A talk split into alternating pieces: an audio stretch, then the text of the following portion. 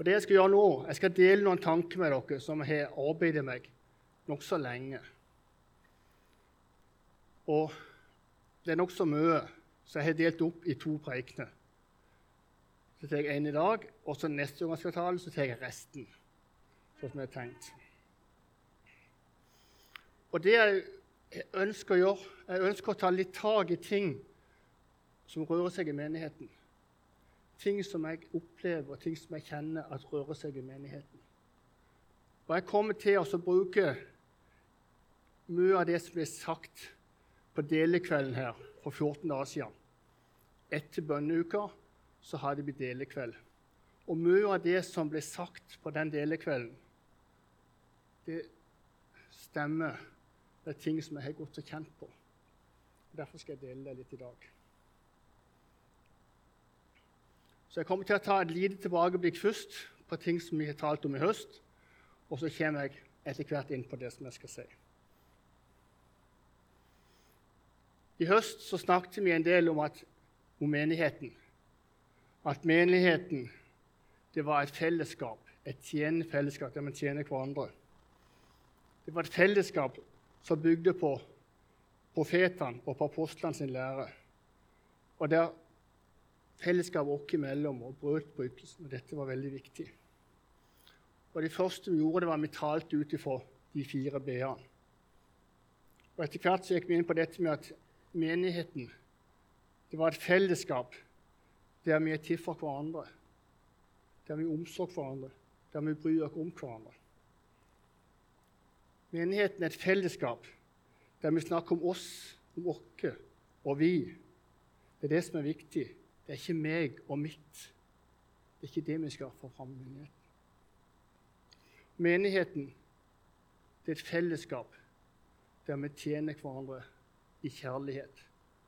Det er et, der vi tjener hverandre uten at vi nødvendigvis skal tjene på det sjøl. Og sist når jeg her og prekte, så prekte jeg ut ifra 1. Korinterbrev, kapittel 12. Og dette kapittelet de begynner, Først begynner Paulus med en kort oppsummering av alle nådegavene. Nådegavene. Og så begynner han å tale om menigheten som en kropp. Der alle i menigheten er kroppsdeler eller lemmer på denne kroppen.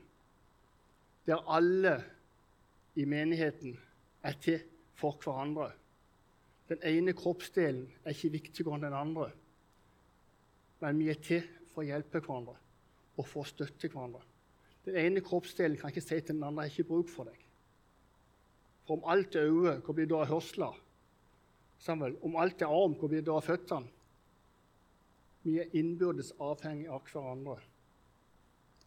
Og Så snakker han om at dette legemet, denne kroppen, er Jesu kropp, er Jesu legeme her på jorda. Og Derfor så blir det litt feil hvis noen tenker at, det at nei, jeg kan bare sitte hjemme jeg trenger ikke å gå i menighet. Jeg trenger ikke å gå på møte på søndag. Jeg kan bare skru på TV-en, jeg kan bare høre på radioen, så får jeg en preiken. Ja, du får. Men hvor er den legemsdelen, hvor er den kroppsdelen henne som skulle vært i menighetsfellesskapet den søndagen? Den mangler. Og det er litt med dette at vi er til for hverandre. For å gjøre hverandre stor, for å gjøre hverandre sterk, for å løfte hverandre opp.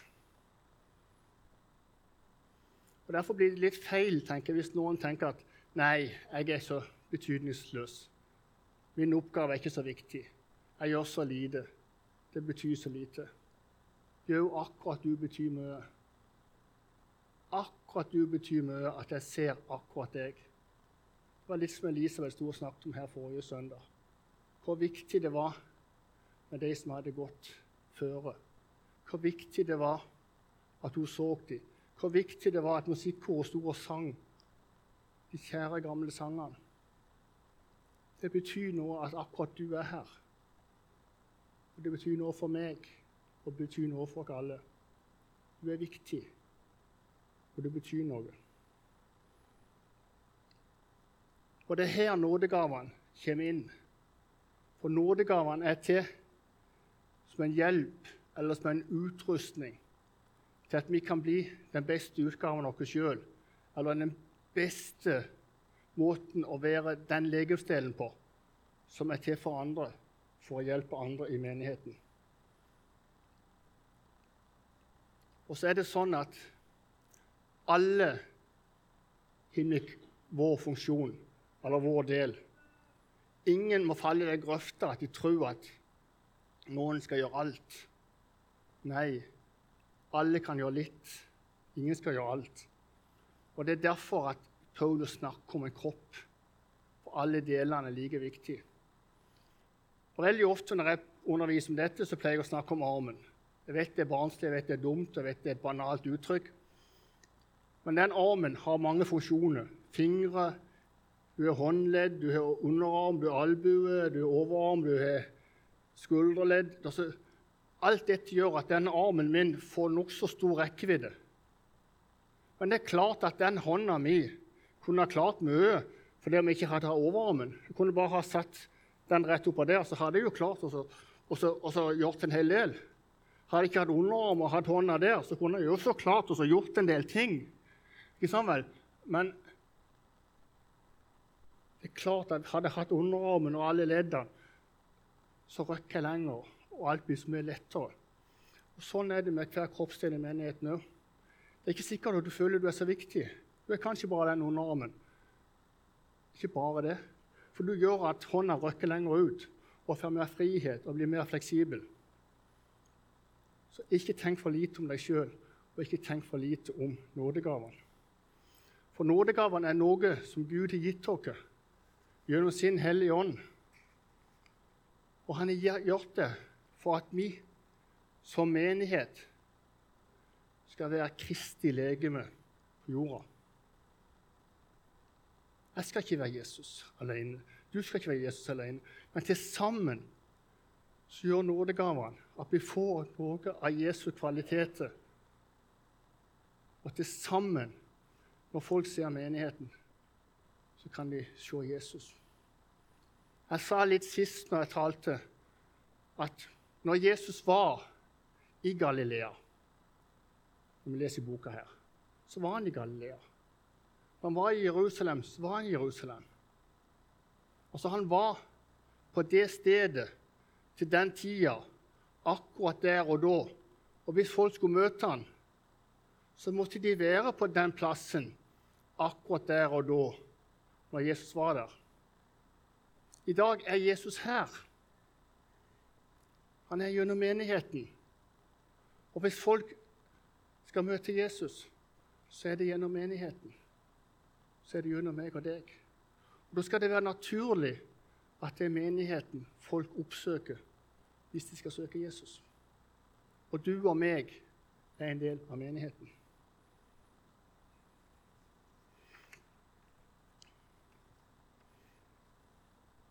Så er det blitt mye snakk om at vi må ta i bruk nådegavene. Vi må begynne å bruke nådegavene i menigheten. Og flere vitnesbyrd har gått på dette. Vi må begynne å bruke de gavene vi har fått. Blant annet Martin. Han sa her på den vitnekvelden, eller delekvelden, at han lengta etter å se mer av nådegavene i bruk i det året som ligger før. Lian kom opp her på plattforma og holdt et vitnesbyrd som bare bekrefta alt dette som vi snakker om. Hun begynte med å si at hun hadde ikke vært på bønnemøter denne uka, men var så takknemlig for at folk brukte gavene sine. Hun var så takknemlig for at noen hadde stått og laga til kveldsmat, sånn at vi kunne komme til dekka bord. Hun satte så pris på alle som brukte nådegavene til andre sitt beste. Og så sa hun tenk, noen har stått her og tent lys. Noen har satt på varmen. Andre har vært pynta så fint her. Noen har sett seg ned og de har forberedt sang og musikk. Noen stender så leder sangen. Andre leder lyden. Andre leder møtet. Og så sa hun ja, til og med sa hun, så var parkeringsplassen strødd på utsida her, sånn at jeg slapp å dette når jeg gikk ut av bilen. Hun var så takknemlig for å være en del av en menighet der folk brukte gavene sine til andre sitt beste. Litt seinere kom Børge med et budskap. Han kom med utfordringer fra Herren.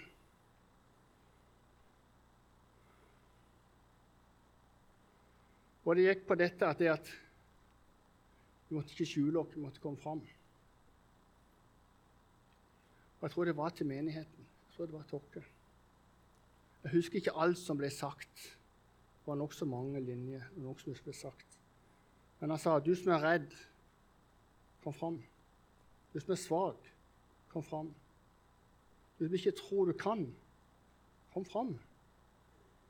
'Du som er motløs, kom fram.' Du som vil, kom fram. Så husker jeg ikke alt han sa, men jeg følte at det var til menigheten. Vi måtte stå opp, oss. Og Jeg oppfatter at det at Herren talte om at, det at vi som menighet skal stille dere fram for Herren. Stille dere fram for Hans åsyn. Jeg opplever at det at Herren ønsker å røre med oss. Jeg opplever at Herren ønsker å tale til oss. Jeg opplever at Herren ønsker at vi skal stå fram og stå opp, så han kan få lov til å legge sin hånd på oss og velsigne oss og utruste oss på nytt. Så den teksten som jeg tenker jeg skal bruke i dag, det kan vi bare få opp på veggen. Det er den samme teksten som Geir Myhra avslutta den vitnekvelden med. Så brukte han disse ordene. Så jeg måtte gå og snakke til Geir. Å, det var dumt, sa jeg. Nå tok du hele teksten min som jeg skulle tale om neste gang. Og sa han, nei, men da er det bare noe Gud vil ha frem. Du skal bare tale over det, sa han. Så nå bruker jeg den teksten. Og Det er fra Paulus' brev til Timotius, andre brev, kapittel 1, og så versene 5-7. Der skriver Paulus. Jeg husker din oppriktige tro, som først bodde i din mormor Louis og i din mor Evnike. Og jeg er over, overbevist om at den også bor i deg. Derfor vil jeg minne deg om dette. La Guds nådegave i deg flamme opp på nytt, den du fikk da jeg la hendene på deg. For Gud ga oss ikke en ånd som gjør motløs.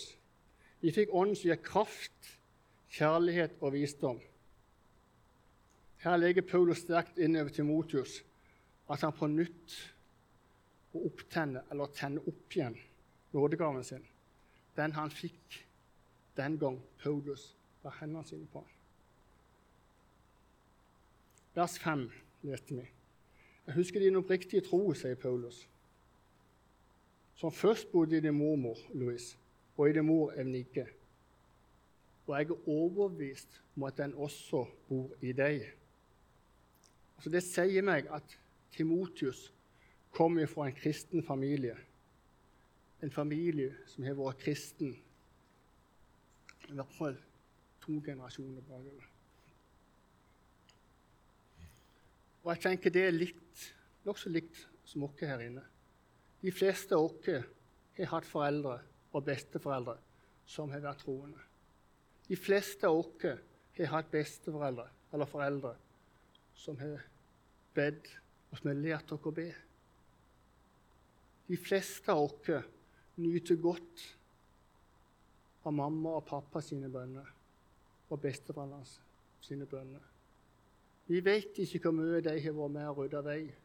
Vi vet ikke hvor mye de har hjulpet oss. Men de fleste av oss har det som Timoteus. Vi har en mor eller en far og besteforeldre som ber for oss.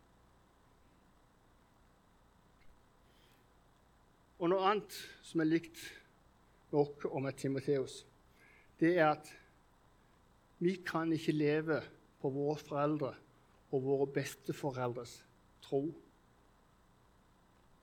Vi må sjøl ta vår avgjørelse. Vi må sjøl ta våre valg. Vi er sjøl ansvarlige for våre handlinger. Og hvis det er ting i vårt liv, så må vi sjøl gjøre noe med det.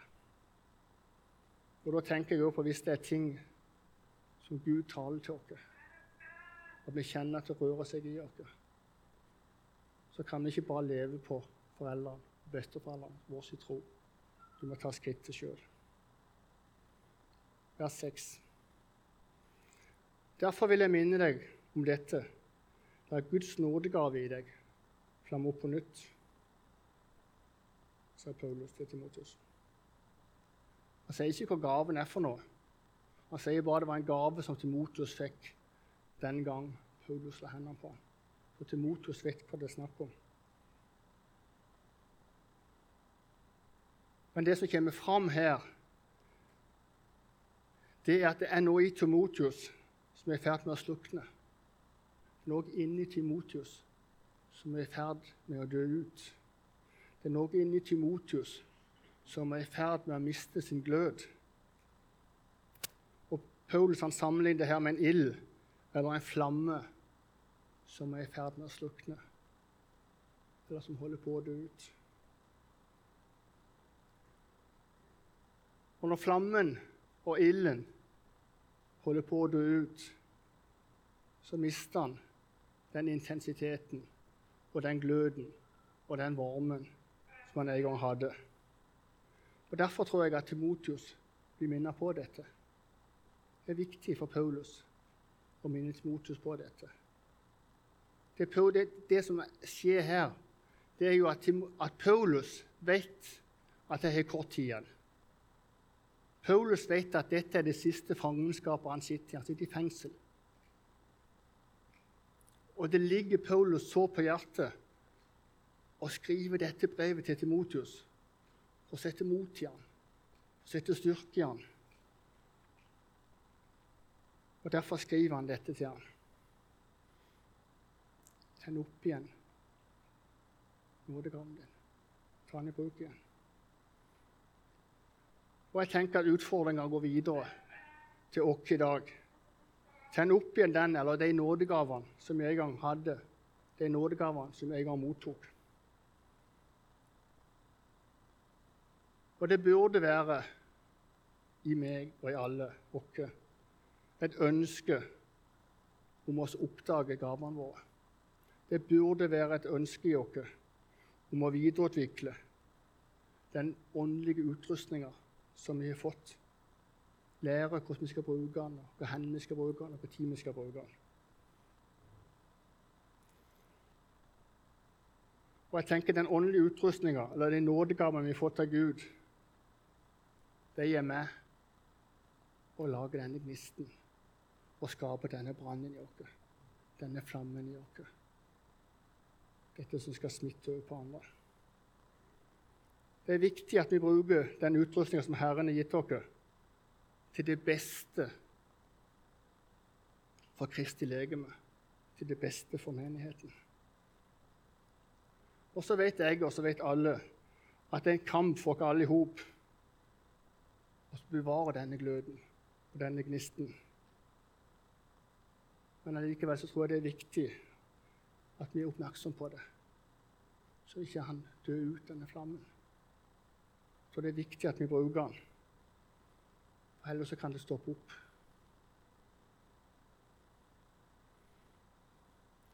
Og når jeg snakker om denne gløden og denne flammen som så lett kan slukne så har vi et sånn stykke i alfakurset som er veldig talende, egentlig. Det er ikke om akkurat dette, men det var om en ung mann, en troende ung mann, som kom og besøkte en eldre mann i menigheten for samtale. Og Så legger denne unge mannen ut for den gamle hvordan trosflammene i livet og gløden i kristenlivet hans var i ferd med å slukne og så dø ut. Og da den unge mannen hadde prata ferdig, så reiser den gamle seg opp. Han sier ikke noe. Så går han bort til peisen, så han en sånn ildrake. og Så får han tak i en sånn eh, kullbit som ligger og gløder der inne. og Så tar han den ut. Så drar han den ut av peisen, og så legger han den på peiskanten. Han sier ingenting. Går han tilbake og setter seg. Så går det en stund, så ser du at den glødende kullbiten som lå inni hop med de andre der, han ble lagt ut på peiskanten. Så var det ikke lenge før han mista gløden. Og så blir han helt svart.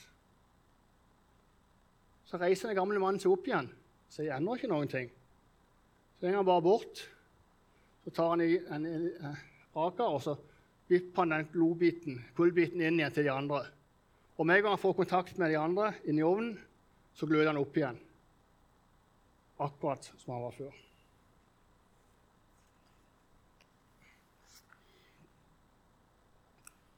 Og Den gamle sa ikke noe, men den unge mannen forsto med en gang hvorfor han hadde mista gløden i kristenlivet sitt. Han skjønte med en gang hvorfor trosflammene i livet hans holdt på å slukne. For en kristen som lever et liv, et kristenliv utenfor fellesskapet, det er som en sånn kullbit som skal prøve å leve utenfor peisen, utenfor de andre. På samme måte tenker jeg det med nådegavene. En nådegave som ikke blir brukt, det er som en kullbit som blir liggende ute på peishylla, ute på peiskanten, utenfor ilden. For nådegavene de er meint til å være til bruk i menigheten. Så hvis du holder deg borte fra menighetsfellesskapet, så blir det med nådegaven din som det blir med denne kullbiten som blir lagt på utsida. Gaven din vil fort slukne. Gaven din vil fort slutte å gløde. Og faren er at flammen vil dø ut. Og Derfor tenker jeg det er viktig at vi er aktive i menigheten. Derfor tenker jeg det er viktig at vi er her som en del av Kristi legeme. Og det er der nådegavene skal brukes. Og Hvis du merker at, det at nådegaven er i ferd med å forsvinne, eller er i ferd med å miste gløden sin, så kan det være at, det at en kanskje må tenke at det at jeg bør bruke litt mer tid aktivt i menigheten, på menigheten. Paul sier, derfor vil jeg minne deg om dette, for Guds nådegave i deg flammer opp på nytt. Og jeg tenker det gjelder oss alle, ikke bare Timoteus. Det er viktig at vi innser dette. Og det er viktig at vi tenner opp igjen den gaven som Eva fikk. Vers 7. For Gud ga oss ikke en ånd som gjør motløs. Vi fikk ånden som gir kraft, kjærlighet og visdom. Den hellige ånd er det som utruster dere med de forskjellige nådegavene. Og det er Den hellige ånd som gir dere styrke og kraft til å bruke dem.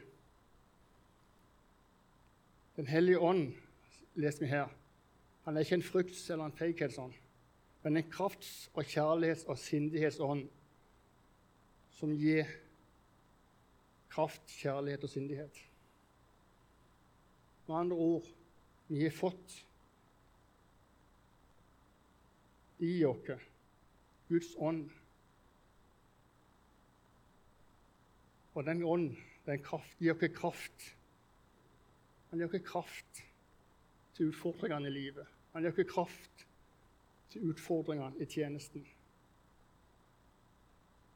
Guds ånd, en kjærlighetsånd, han skal fylle oss med kjærlighet til menneskene som omgir oss, til menneskene som er rundt oss.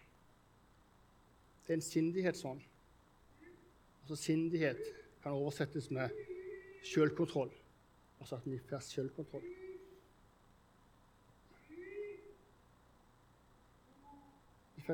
Kraft, kjærlighet og sindighetsånd den trenger vi, sånn at vi kan bruke gavene som Herren har gitt dere, med visdom på en måte som er til det beste for Kristi legeme.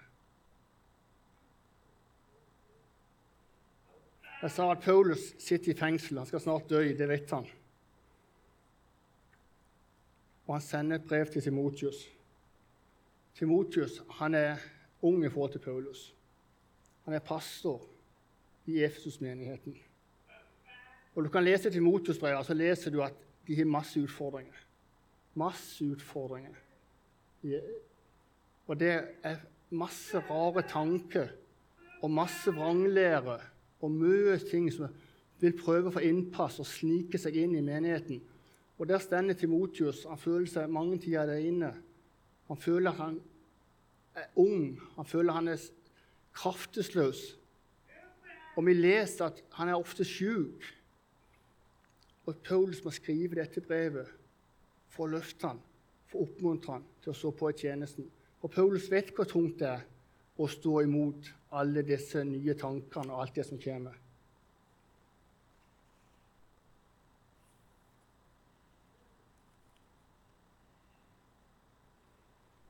Og Paulus sender dette brevet som sagt, for å sette imot ham og for å minne ham på Hei, du har noe i deg.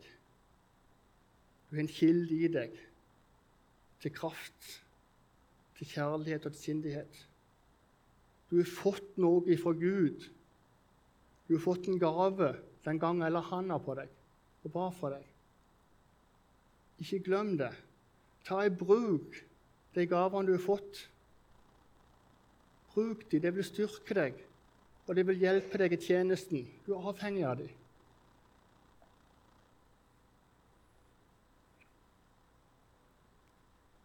For, Gud, for jeg vil minne om dette, sier han. La Guds nådegave deg flamme opp på nytt. Den du fikk, da gjelder hendene på deg. For Gud ga oss ikke en ånd som gjør motløs. Vi fikk ånden som gir kraft, kjærlighet og visdom.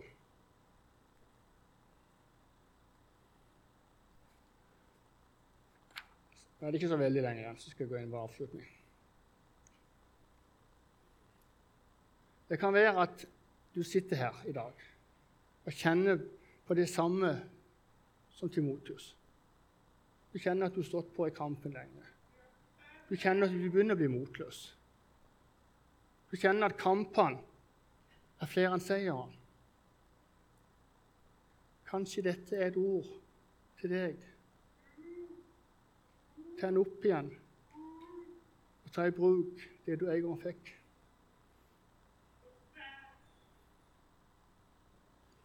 Kanskje du er sliten. Kanskje du har stått på veldig lenge, akkurat som Timotius. Jeg kjenner at du begynner å gå trøtt. Kanskje du sliter med ting i livet ditt. Kanskje du sliter med selvbildet ditt. Eller andre ting. Kanskje det kan være sykdom. Kanskje det kan være negative tanker. Destruktive tanker. Det kan være du sliter med depresjon. Kanskje det er mennesker rundt deg som krever så mye av deg at du blir sliten og utslitt, for du må alltid være der for andre. Kanskje det er mennesker rundt deg som ikke rett og er bra for deg, som rett og slett tapper deg for energi, tapper deg for krefter. Suger kreftene ut av deg. Du kjenner at du er sliten. Kanskje det er mennesker rundt deg som skuffer deg. Det kan være nære relasjoner arbeidsplasser som gjør at det tar energien din, tar kreftene dine. Kanskje du er bekymra for verdenssituasjonen, for ting som skjer i Midtøsten og rundt. At det tapper deg fra krefter. Kanskje alle disse tingene som jeg nå ramser opp, er motsatt av den ånd som Gud har gitt deg. For Gud ga deg ikke en ånd som gjør motløs. Du fikk ånd som gir kraft, kjærlighet og visdom. Det er det Gud vil gi oss.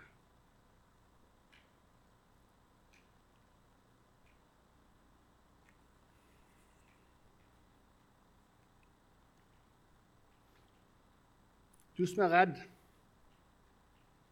kom fram. Du som er svak, kom fram.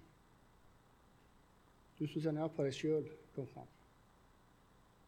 Du som ikke tror at du kan, kom fram. Du som er motløs, kom fram. Du som vil og har et villig hjerte, kom fram. Det fikk vi høre for to uker siden. Og helt til avslutning så vil jeg trekke det litt lenger tilbake, bare to uker siden. Så vil jeg ta opp igjen tråden fra Svein Bjarte. Han sto her, og så leda han et møte i høst. Kjempetøff. Og Så leste han et vers til avslutning, som jeg skal lese nå. Jeg tror det var det verset der. Jeg er ikke sikker. Men, eh, og Det er andre krøniker, 7, også vers 14. Kan jeg få det opp på veggen? Hvis er dette folket som mitt navn er nevnt over, ydmyker seg og ber, søker meg og vende om fra sin onde ferd, så vil jeg høre i himmelen og tilgi folkets synder og lege deres land. Han leste dette verset, og så oppfordrer han menigheten til å komme fram, rett og slett å ydmyke seg innenfor Herren. Rett og slett også bøye kne innenfor Herren. Så Vi har lagt ut noen puder her. Det kan vi gjøre i dag òg. Og så sa han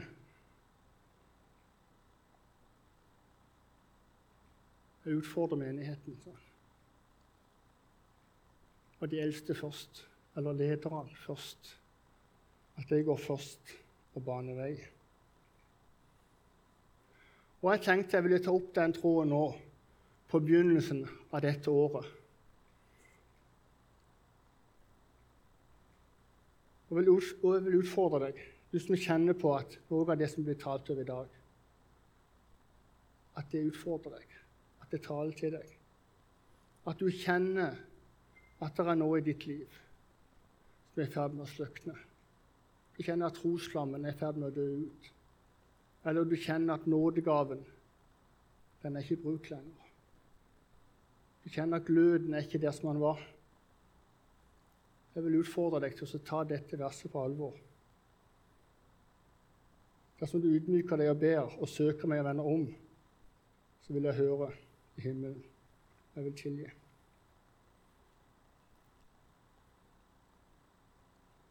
Og helt til slutt, før jeg sier amen, så vil jeg på helt sånn, på helt sånn generelt grunnlag Ikke at noen skal kjenne at det er spesielt til deg, men jeg vil utfordre dere alle i hop til å ydmyke dere innenfor Herren. Jeg vil utfordre dere alle sammen til å komme fram og rett og slett bøye kne. Og Så kan det være grunner som gjør at ikke du kan bøye kne. Men du kan utnytte, du kan bøye hjertet ditt for Gud, enten der du sitter eller på, på første rad her. Men du som kjenner at du er motløs, kom fram. Du som mangler kjærlighet, kom fram. Du som mangler visdom, kom fram. Du som mangler kraft, kom fram. Du som mangler denne gløden, kom fram. Du som kjenner at trosflammen i livet ditt holder på å slukne, kom fram.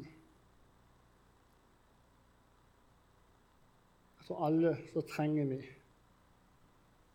at våre nådegaver blir tent opp på nytt. Hva kjenner du spesielt at du skal gjøre det i dag. Kjenn at du trenger å la din nådegave bli tent opp på nytt. Så gjelder det for deg òg. Kom fram. For husk, jeg har skrevet til meg sjøl her, at Gud gir den kraftesløse krefter, og den ydmyke, den gir stor nåde. Så her ligger noen puder. Det går an å komme fram, det går an å bøye kne. Har du problemer med det, så går det an å sitte ned og bøye hjertet ditt innenfor Gud. Det viktigste er at du kommer fram for Herren. Så er det så fint når Ellen Verdine er oppe her og snakket om ungdommene. For hvor ofte har ikke ungdommene gått føre og vist vei? Nå sa hun akkurat det. På fredag så gjorde de det. Ungdommer kom fram. Og det skjedde ting med dem. Gud rørte med dem. Og de responderte. De gikk til bønneveggen og gikk rundt på postene her. Og de fikk et lovsangsteam, og de fikk de tingene de hadde bedt om. De kom fram. Ydmykte seg. Det var det jeg skulle si i dag. Amen.